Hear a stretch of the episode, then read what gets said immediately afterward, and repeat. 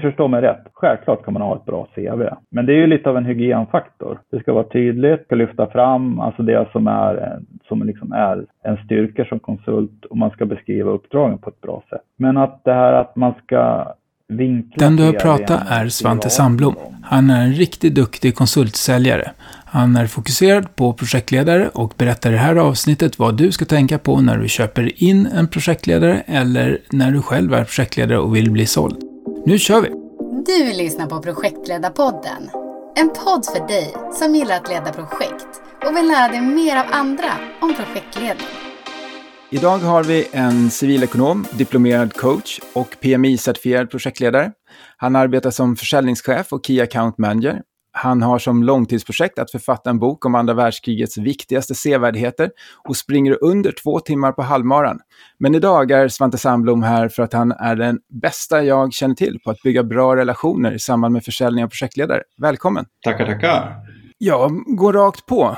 Vad är en projektledare för dig? Ja, spontant kan jag känna att det har gått lite inflation i det begreppet. En projektledare för mig det är någon som driver ett lite större åtagande med, med många människor inblandade mot ett gemensamt mål. Och hur, hur tänker du där? Kan vem som helst vara projektledare? Eh, nej, det är... Eh, det krävs... Eh, det ställer krav på att man är bra på att kommunicera och eh, kunna hantera eh, både toppmanagement och de som arbetar i projektet. Måste kunna jobba både högt och lågt. När, när du, eh, du jobbar ju som säljare, kallar du dig själv säljare? Eh, konsultsäljare. Om man då träffar en konsultsäljare på och har första möte, vad ska man tänka på när man ska hyra in en projektledare? Ja, eh, den enskilt viktigaste faktorn här för att det ska bli bra, det är att eh, du som beställare då Eh, kan ägna tid och kraft åt det här projektet. Då.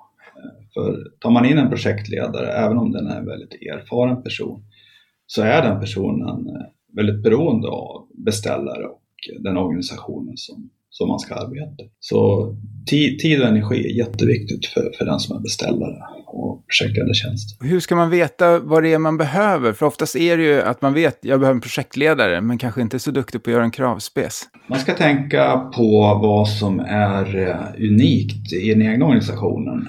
Det kan vara att man har kanske en speciell bransch eller att man har en speciell kultur eller att man arbetar på ett speciellt sätt. Det är lätt att det blir lite standardformuleringar som att projektledaren ska vara driven så vidare. Men, men man försöker tänka en extra vända där. Finns det generella projektledare som passar överallt eller ska de vara specifika? Eh, jag tror ju att man kan, eh, är man en duktig projektledare så kan man eh, i princip driva vad som helst. Men det ser ju, marknaden ser ju ut som så att eh, ofta vill man ha någon med branscherfarenhet, till exempel om man ska vara projektledare inom bygg. Så, så vill man som kund oftast ha ha någon som har drivit byggprojekt och inte bara IT-projekt exempelvis. Hur vet du vilken konsult eller projektledare som passar i det här företaget? Om den kan vara generell, passar då alla konsulter överallt?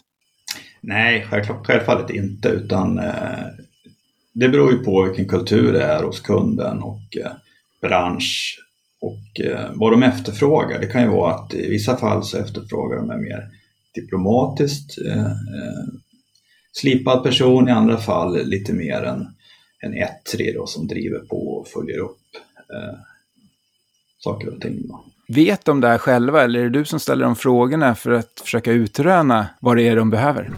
Eh, det är bra att ställa frågor eh, för det kan ju vara så att kunden, eh, det, det kan finnas outtalade saker då, som kunden inte berättar så här spontant. Då. Det beror ju lite på vilken relation vi har sedan tidigare, kunden och jag. Vilka frågor ställer du då för att försöka få fram vad det är de behöver? Kan du relatera till något tidigare projekt eh, om jag haft konsulter där tidigare och fråga och, och det gick ju så här, vad kan det ha berott på? Kan det ha någonting med personligheten hos projektledaren och så vidare. Och lite vad, vad de vill med det här projektet, hur pass viktigt det är och vilken attention kommer du få. Pratar någon gång om erfarenhet eller vilken nivå på projektledare du behöver? Ja, så, så är det ju i princip alltid. Att, äh, att man äh, försöker se vilken senioritet som krävs. Då. Och hur graderar man det? Ja, det finns ju de här standard om man tittar på när det tas fram kravmatriser i, när det är lite mer formaliserat. Så att, eh, men generellt sett så kan jag säga att eh, erfarenhet eh, värderas inte så högt som det borde göra. Utan det om man tittar på prisbild exempelvis så är det, så är det lite för samman, sammanpressat som jag ser det. Det kan ju finnas väldigt stora projekt som är komplicerade och inte kanske bara för att det är storleken utan, utan vad, vad som ska göras. Det kan vara mycket ny, nyutveckling och det kan vara att man exempelvis har, om, om vi pratar bank, då, att man har eh, kunskap om hur man driver regelverksprojekt och så. Då. Eh, och då kan det vara så att prisbilden generellt sett eh, blir lite för sammanpressad. För att det kanske inte är så många personer som, som har just precis den här erfarenheten som, som just det här projektet eh, kräver. Och där kan man ju se att juniora projektledare och väldigt seniora projektledare har väldigt likartade timpengar om man nu betalar per timme. I de här. Det är min uppfattning i alla fall. Ja, exakt. Eh, det, självklart så skiljer det, men, men det är ju inte i paritet med vad, vad kunderna får. För det kostar ju, alternativkostnaden om projektet inte blir bra är ju väldigt hög så att säga och det, det missar man ofta. Och hur ska vi då komma framåt gällande det här vad eh, som ska betalas för en projektledare? Ja, det är en svår fråga. Det har vi ett, alla ett ansvar som leverantör och påtala det här för kunderna. Då. Så vi kan konstatera att priset för en outbildad eller eh, inte senior projektledare är rätt så högt, medan för en senior projektledare är rätt så lågt. Tänker du likadant? Eh, nej, jag skulle vilja säga så här att eh, priset för eh, riktigt erfarna är för lågt. Hur ska man arbeta med det då? Hur förklarar vi för beställarna om att en senior projektledare är värd väldigt mycket? Eh, det är ju att sätta det priset i relation till den totala projektbudgeten. Då. Eh, om det är ett projekt med en budget på en miljard så kostar det ju väldigt mycket pengar att det blir försenat. Jag kommer att tänka på den här projektledaren för eh, för Förbifart Stockholm som satt i Aktuellt och berättade om vad det skulle innebära de förseningar som har blivit i det gigantiska projektet. Ja, det är ju verkligen ett bra exempel. Och hur ska man tänka om man ska sälja sig själv som projektledare? Hur vet man vilken senioritet man har? Det är ju, självklart så vet man ju hur många år man har arbetat som projektledare, men det som man kanske är lite dålig på ofta, det är att berätta om sina egna projekt. Hur stora var de?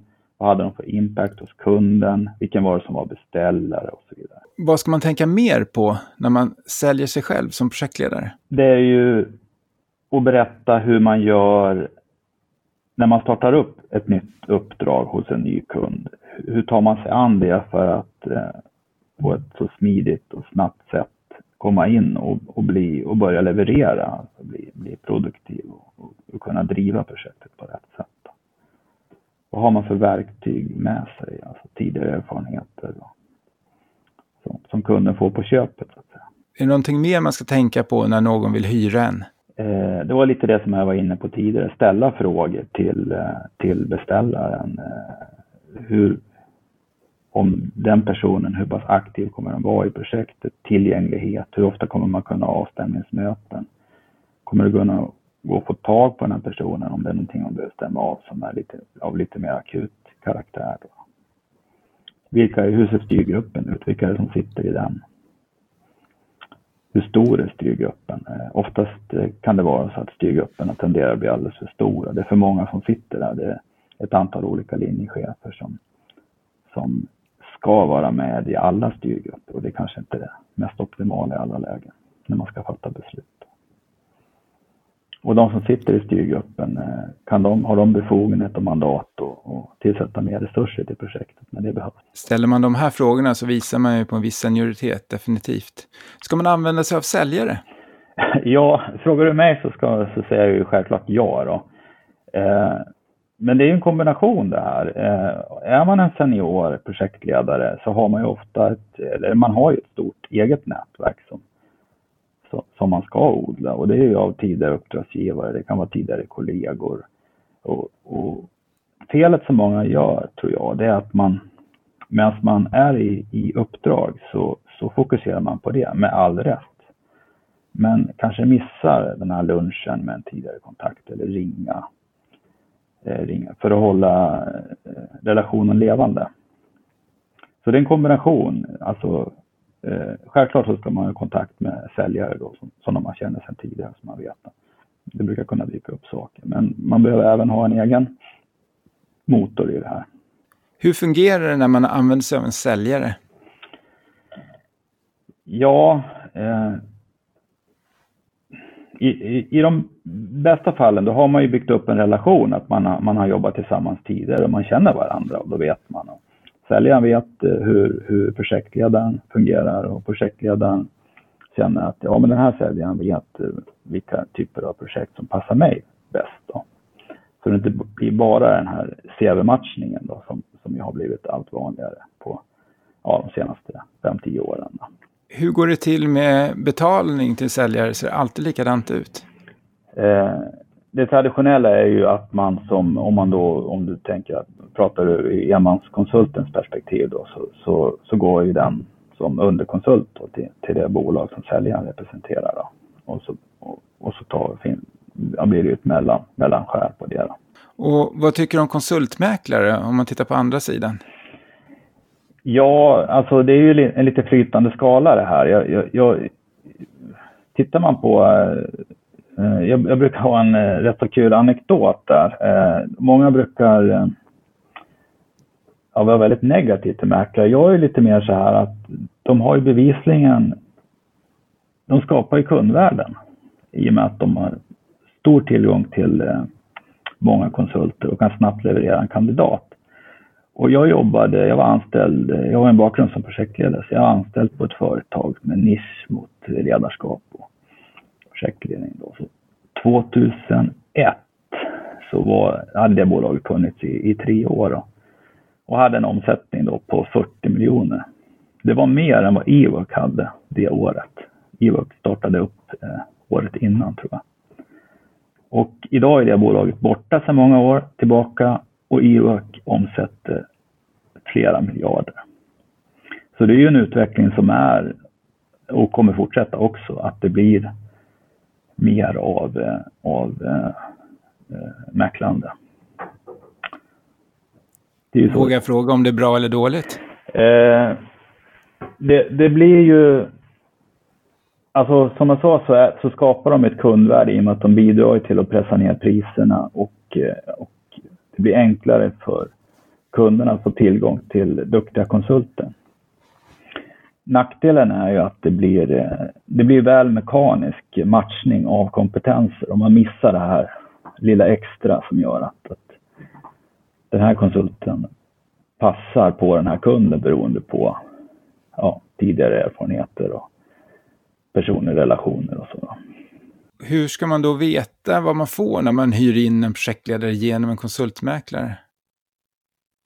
Ja, det ju, spelar ju ingen roll om det är mäklare eller om det är med personlig försäljning, utan det, det, man måste, eh, det är ju en det är ju referenstagning är ett instrument. Dels så får man ju, får man ju vad heter det, kan man ju be om referenser eller så, så finns det ju alltid möjlighet att, att, att kolla själv. Marknaden är ju inte större än så att man i något led bort känner någon som, som kan ha erfarenhet av den här projektledaren som man funderar på att ta in. Då. Så det är bara att lyfta luren och ringa och fråga. Det är ju, i och med LinkedIn så är ju saker och ting väldigt transparenta. Och om man tar ytterligare ett steg bort mot företagen så ser vi att inköpen blir mer och mer centraliserade och bara ett fåtal leverantörer väljs ut. Vad tänker du om det? Ja, jag vet inte riktigt om det är, behöver bli något problem. Om du, om nu, vi nu återigen tänker ur enmanskonsultens perspektiv så, så det jag ser det är ju att ofta så är det ju en eller två eller flera mäklare som också har de här, har på ett eget ramavtal och då finns det ju alltid möjlighet att gå via dem. Det som man som leverantör eller konsultsäljare, eh, eh, det största värdet man har, har det är ju det är inte så att man bara ska träffa inköp utan man ska ju, även om det finns sådana här ramavtal så ska man ju träffa personer brett i organisationen. Eh, för att verkligen fånga behoven när de uppstår. när de har kommit till inköp och det skickas ut en förfrågan, då har ju den här hyperkonkurrensen då. Eh, I och med den digitalisering som jag har och att eh, det är lätt att skriva ihop en, en kravspec som kanske ofta är lite trubbig och så då, men man får ihop någonting, skickar ut och får in ett antal kandidater. Eh, och ofta många väldigt kvalificerade också. Min erfarenhet som inte är speciellt stor är att det kan vara svårt att få in kvalificerade projektledare genom konsultmäklare. Hur tänker du om det? Eh, då kan det vara så här då att eh, eh på många kunder är det så att man sätter en prisbegränsning och säger att eh, kandidaten får kosta max x antal kronor. Och då alla som eh, offererar högre än det priset presenteras ju aldrig för kunden och, och då blir det ju den effekten. Och jag tycker det är en, en, en väldigt olycklig utveckling. För, för jag tycker att det viktigaste är ju som kund att du får tillgång till så många kandidater som det någonsin går. Och sen så sköter ju marknaden om det. Om man prissätter sig på ett helt orimligt sätt så, så kommer inte kunderna vara beredda att betala för det. Men, men den, jag tycker den utvecklingen är väldigt olycklig, att, att, att man arbetar på det sättet. Och hur ser prissättningen ut idag? Är det 1000 kronor i timmen för en normal seniorkonsult inom IT, inom bygg är det 1100? Eller hur ser det ut? Ja, det, det varierar väldigt från kund till kund. Och ofta kan det bero på det som vi pratade om alldeles nyss, att man sätter prislimiter på att den här rollen för den här, på den här nivån får kosta x antal kronor, max x antal kronor. Och det gör att det blir för sammanpressat, för när du har de här riktigt stora kvalificerade, utmanande projekten så, så, så passar inte det här riktigt.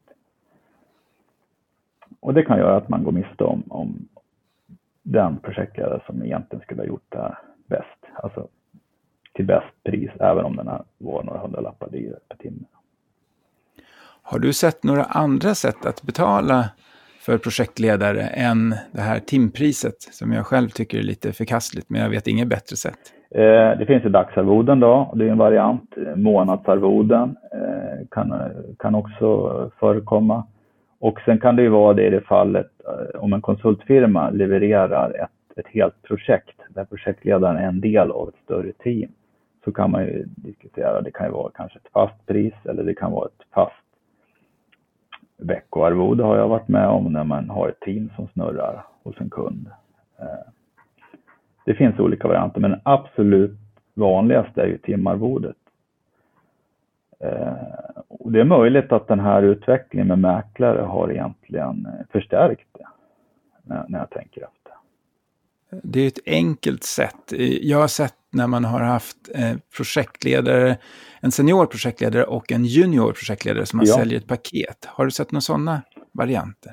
Ja, den är, jag tycker det är väldigt tilltalande för att om du har varit med ett tag som senior projektledare så kanske du inte vill jobba 100 procent. Du kanske vill jobba 80 procent. Och du vet egentligen att även om du lägger de här 80 procenten, eller 70 eller 75, så kommer du kunna leverera som, som, eh, som om du körde heltid. Och då, har, då finns det ju då, om kunden har eh, ändå budgeterat för en heltid, då finns det ju pengar att ta in en, en, en lite mer junior då, som kan jobba kanske halvtid eller till och med ännu mer beroende lite på hur, hur prissättningen sker. Då. För det kan ju vara så att eh, om man som seniorprojektledare att man lägger för mycket tid på administration, och boka lokaler och skriva protokoll och sådär. Och även enklare projektplanering. Det, det, skulle, det, det är mycket bättre att en mer juniorperson gör det. Och jag har även sett nu att det har kommit upp företag som eh, säljer projektledare som en tjänst. Hur tänker du där? Ja, jag kan ju tänka mig att det här senaste utvecklingen med covid-19 har bidragit till att man, man jobbar ju mer på distans och så och att eh, då, då Alltså, jag vet inte vad som exakt menas, men jag kan tänka mig att man då säger att ja, men vi på företaget X, eh, vi kommer köra det här projektet och då har vi den här uppställningen. Det finns en eh, huvudansvarig person och sen kan det finnas Eh, folk runt omkring då som gör vissa andra saker och så tar man ett, ett fast arvode för det. Då. Eh, kanske ett månadsarvode, nu bara spekulerar jag då. Eh, och det, jag tycker idén är bra. Eh, men ofta kan det vara så att, alltså min erfarenhet att marknaden är väldigt konservativ. Eh, man vill ha en viss person. Det, det är, man tar in projektledaren Mats eller vad, vad han nu må heta eller, eller, eller Carina då och eh, förlitar sig på den personen då att, att de, det är den som man vill kommunicera med. Och, eh, man tar inte in företaget på samma sätt om man tar in, eh, om man vill ha in en projektledare. Sen kan man ju tillhöra ett starkt varumärke så man vet att där, där har, har de bra konsulter, men det är ju inte riktigt samma sak. Konsult, konsult, konsulten, även om man tillhör ett företag som har den här inriktningen, måste ju ändå konsulten bevisa sig själv och liksom kunna klara av en intervju och, och, och förklara hur, hur, just jag skulle, skulle vad heter, driva det här. Då. Det är intressant att veta vad är det som avgör om någon köper. Jag tänker om de redan känner personen, eh, då kanske det inte är så svårt. Men annars? Eh, jag brukar tänka så här att man, man vill ändå... Eh, först och främst så är det ju ett emotionellt, känslomässigt beslut. Man måste tycka om den här personen, eller tycka liksom att ja, men det här känns bra. Och varför känns det bra? Jo, man vill ha lite igenkänningsfaktorer, kanske att man har kört Eh, Eh, jag kan ta ett exempel då inom transportindustrin där, vi, eh, där det var en konsult som gick in och eh, körde en, en, ett testledaruppdrag med, med, ja, det var ett tungt uppdrag. Då hade han gjort ett liknande uppdrag åt en, åt en konkurrent kan man säga i närtid, då, något år tillbaka. Och dessutom inne i branschen. Då blir det den här igenkänningsfaktorn. Ja, det här, det här projektet som vi sitter och pratar om, det liknar väldigt mycket det vi ska göra nu. Va? Och då känner man en trygghet. Eller det kan vara att man, eh, om det är en väldigt speciell bransch som kunden är i, väldigt, så är det ju bra att man har, har den branschkännedomen som man känner, känner till. Liksom. Ja, lingot om man säger så. Ja. Och hur kommer du till ett avslut som säljare? Ja, det bästa är ju när det faller sig helt naturligt. Jag brukar tänka så att, eh, eller brukar kommunicera med, med konsulten, att man ska prata så mycket som möjligt om själva uppdraget när man sitter på den här intervjun. Inte berätta om vad man gjorde 15-20 år tillbaka, utan helt kort bara presentera sig själv och med fokus på vad som är relevant för just det här uppdraget. Och så gäller det att få en så bra diskussion som det någonsin går om vad det innebär just det här projektet innebär och vad är förväntningarna, vad det ska göras och vilka är framgångsfaktorerna. Så att eh, kunden öppnar upp sig. Och då blir det mer naturligt att de bestämmer sig, men det här, det här, eh, det här känns rätt. Och i andra lägen så, så kan ju jag känna att äh, men det här är ju inte rätt person för det här uppdraget och då, då och det känner man ju oftast på mötet, det känner egentligen alla som sitter på mötet, att men det, här, det här kommer inte bli någonting. Och då är det ju bara att backa tillbaka som säljare, att men det här var, den här personen var inte tillräckligt kvalificerad eller hade inte det här. Hon, han eller hon har ju inte drivit exakt den här typen av projekt och, och då blir det för, för eh, hög tröskel för att komma igång. Som säljare måste man kunna komma tillbaka med liksom hedern i behåll och inte, man ska inte liksom försöka pressa fram en affär när man, när, när man inser att det, det här kommer inte bli någonting. Så då får man ta det helt osentimentalt att ja, i det här läget, ja men den här personen var inte rätt.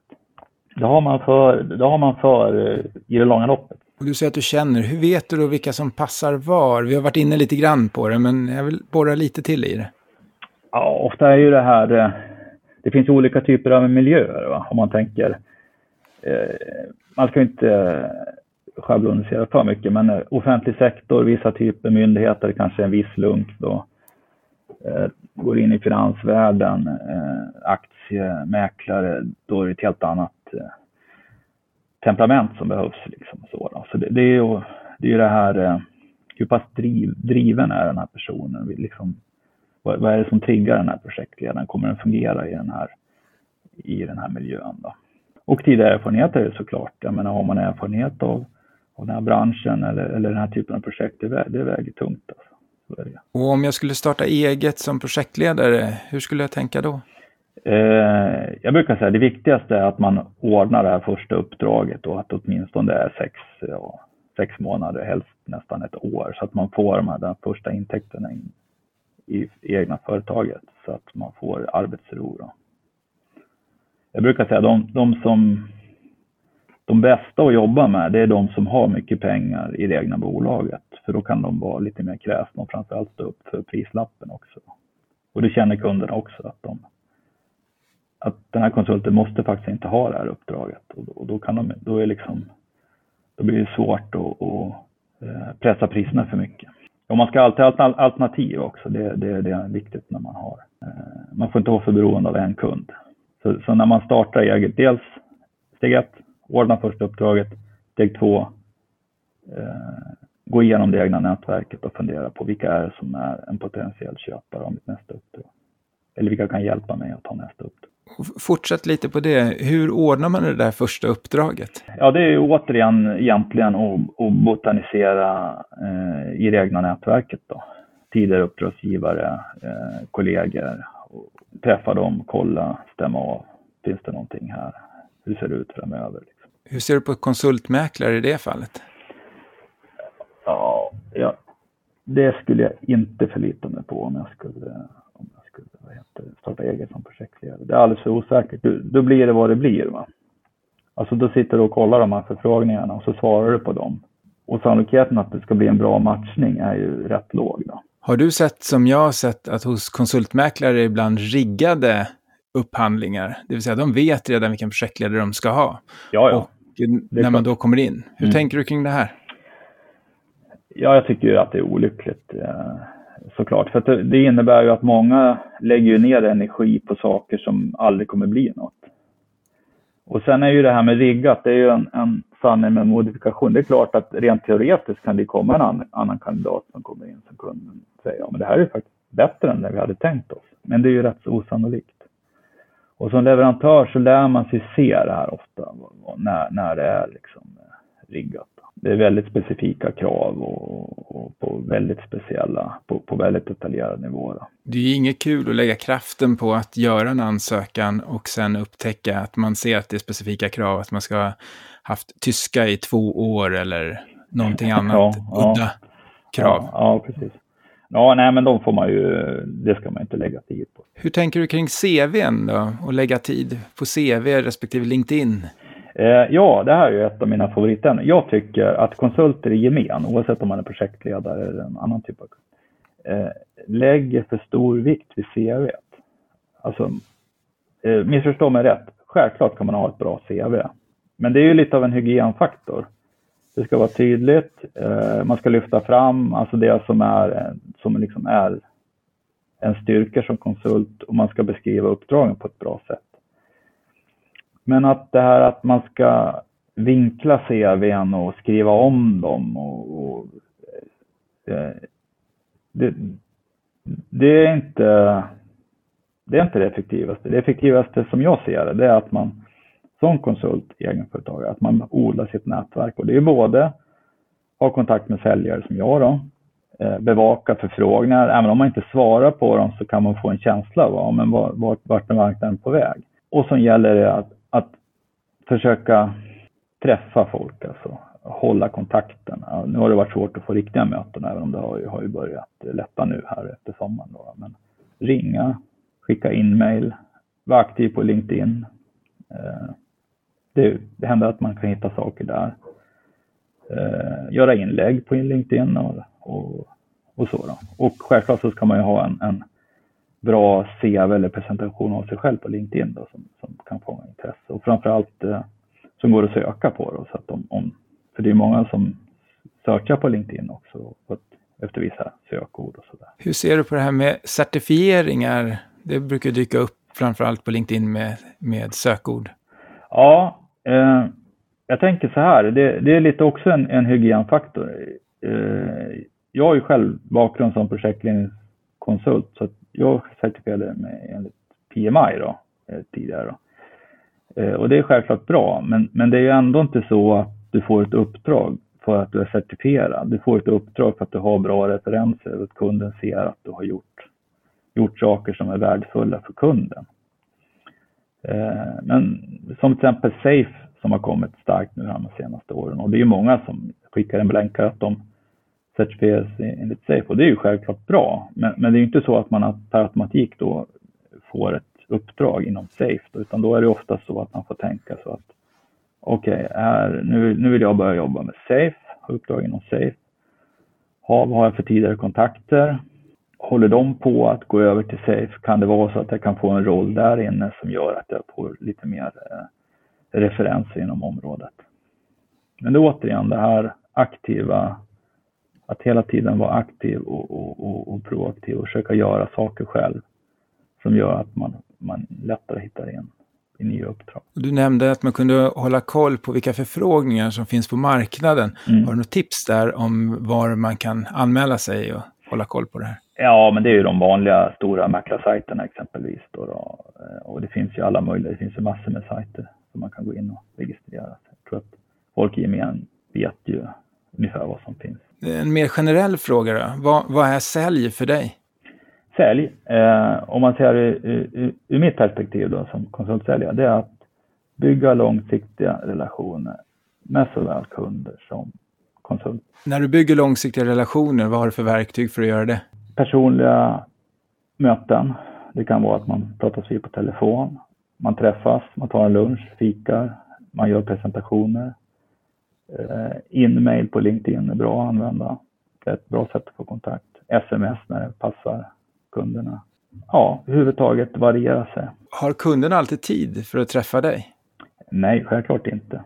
Ja, det är viktigt att ha ett stort nätverk, att man har många kunder eller potentiella kunder att, att ha kontakt med. Eh, det blir mer omväxlande och, och, och då behöver man inte vara så påstridig i varje enskilt fall.